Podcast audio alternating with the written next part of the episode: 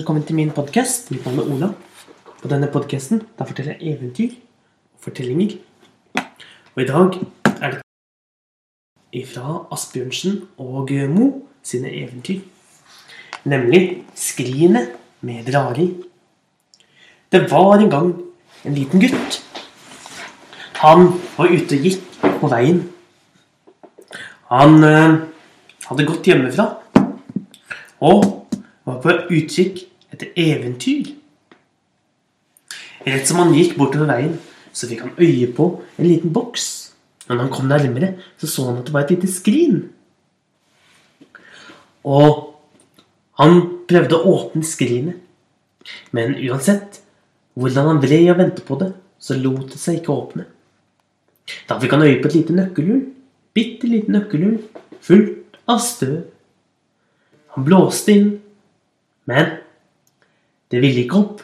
Det måtte nok til en nøkkel.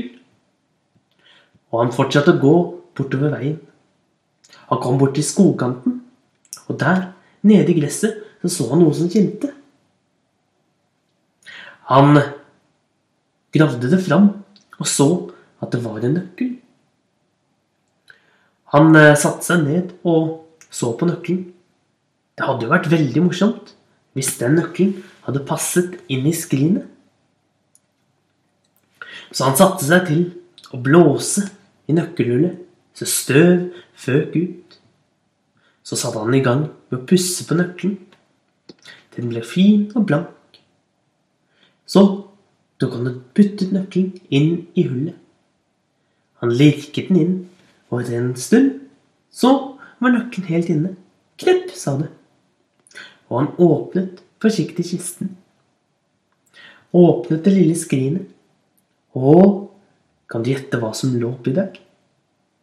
Der lå det bare en halv kalverumpe. Og hadde kalverumpa vært lenger, da hadde eventyret også vært lenger. Og det var skrinet med Rari.